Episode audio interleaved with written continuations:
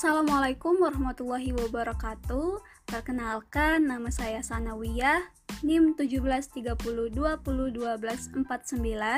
Saya merupakan salah satu mahasiswa kuliah kerja nyata dari rumah atau KKNDR angkatan 73 pandemi COVID-19 tahun 2020 di Universitas UIN Raden Fatah Palembang.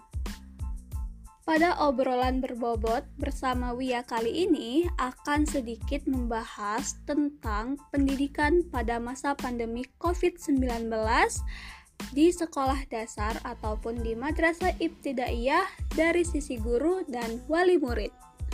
Sebelumnya saya sudah sempat melakukan komunikasi dengan salah satu guru yang ada di sekolah dasar di Palembang, yaitu dengan Ibu Diana. Di sini saya menanyakan seputar pengalaman beliau kurang lebih satu minggu mengajar dan memberikan tugas secara online. Dan saya juga akan bercerita nih berdasarkan pengalaman saya sendiri sebagai wali murid dari siswa.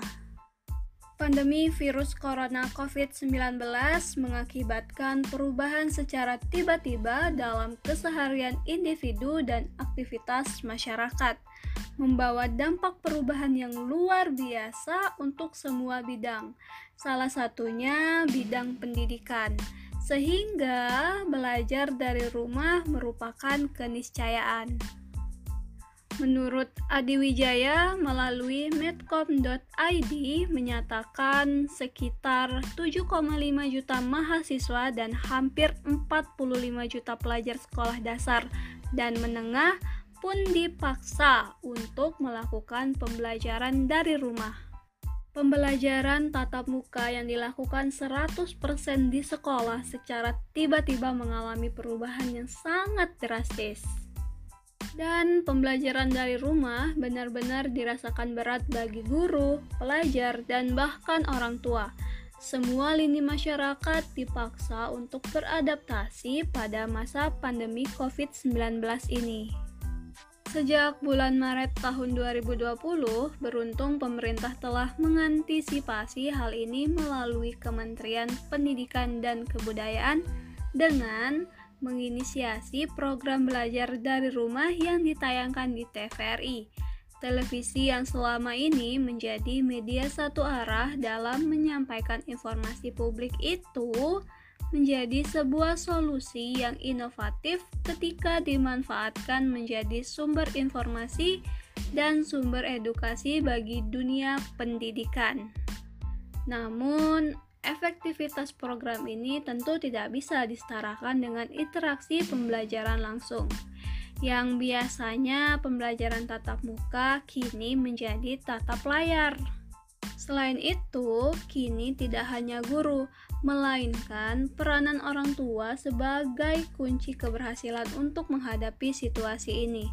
Orang tua harus mampu beradaptasi terlebih dahulu sehingga mampu menjadi pendamping atau mentor perubahan bagi anak-anaknya di rumah. Lalu, bagaimana pendapat dari Ibu Diana tentang pembelajaran online? Berdasarkan hasil diskusi atau komunikasi yang sempat saya lakukan dengan Ibu Diana, beliau berpendapat bahwasanya pembelajaran online ini memiliki kelebihan dan kekurangan nih. Dari segi kelebihan, guru menjadi terpicu untuk membuat media pembelajaran yang kreatif dan inovatif dalam mengembangkan media pembelajaran dengan menggunakan ilmu teknologi. Adapun dari segi kekurangan pembelajaran online, Ibu Diana memiliki dua sudut pandang. Yang pertama dari sudut pandang guru dan yang kedua dari sudut pandang siswa. Yang pertama, guru. Guru sedikit kesusahan menyampaikan materi pada peserta didik sehingga tidak bisa mencapai proses pembelajaran yang secara keseluruhan. Kemudian dari sisi siswa, banyak siswa yang mengalami kendala dalam pembelajaran online, apalagi yang berekonomi rendah nih mereka kesulitan menerima materi yang diberikan gurunya. dan banyak juga orang tua dari siswa yang kurang memahami tentang teknologi. Selain itu, banyak orang tua siswa yang bekerja sehingga tidak bisa mendampingi anak-anaknya ketika belajar online. Jadi, pada masa pandemi ini, menjadi sebuah peluang nih untuk menyadarkan setiap orang tua bahwa beban pendidikan pada anak tidak bisa hanya diserahkan pada guru saja.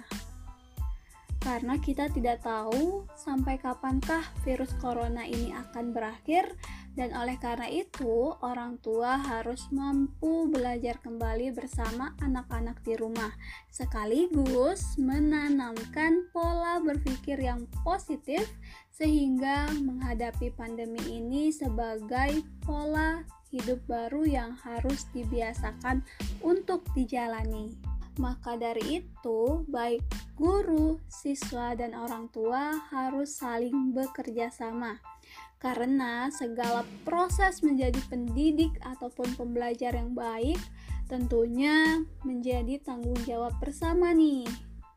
Harapannya sejauh mana peran setiap orang dalam mengemban amanah sebagai pendidik ataupun pembelajar.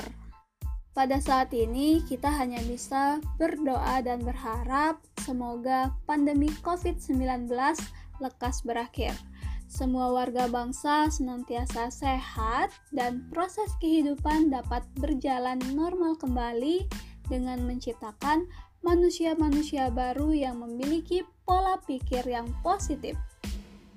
Baiklah teman-teman, itulah tadi sedikit pembahasan tentang pendidikan pada masa pandemi COVID-19.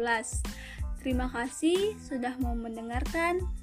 Sampai akhir. Saya akhiri. Wassalamualaikum warahmatullahi wabarakatuh. Bye.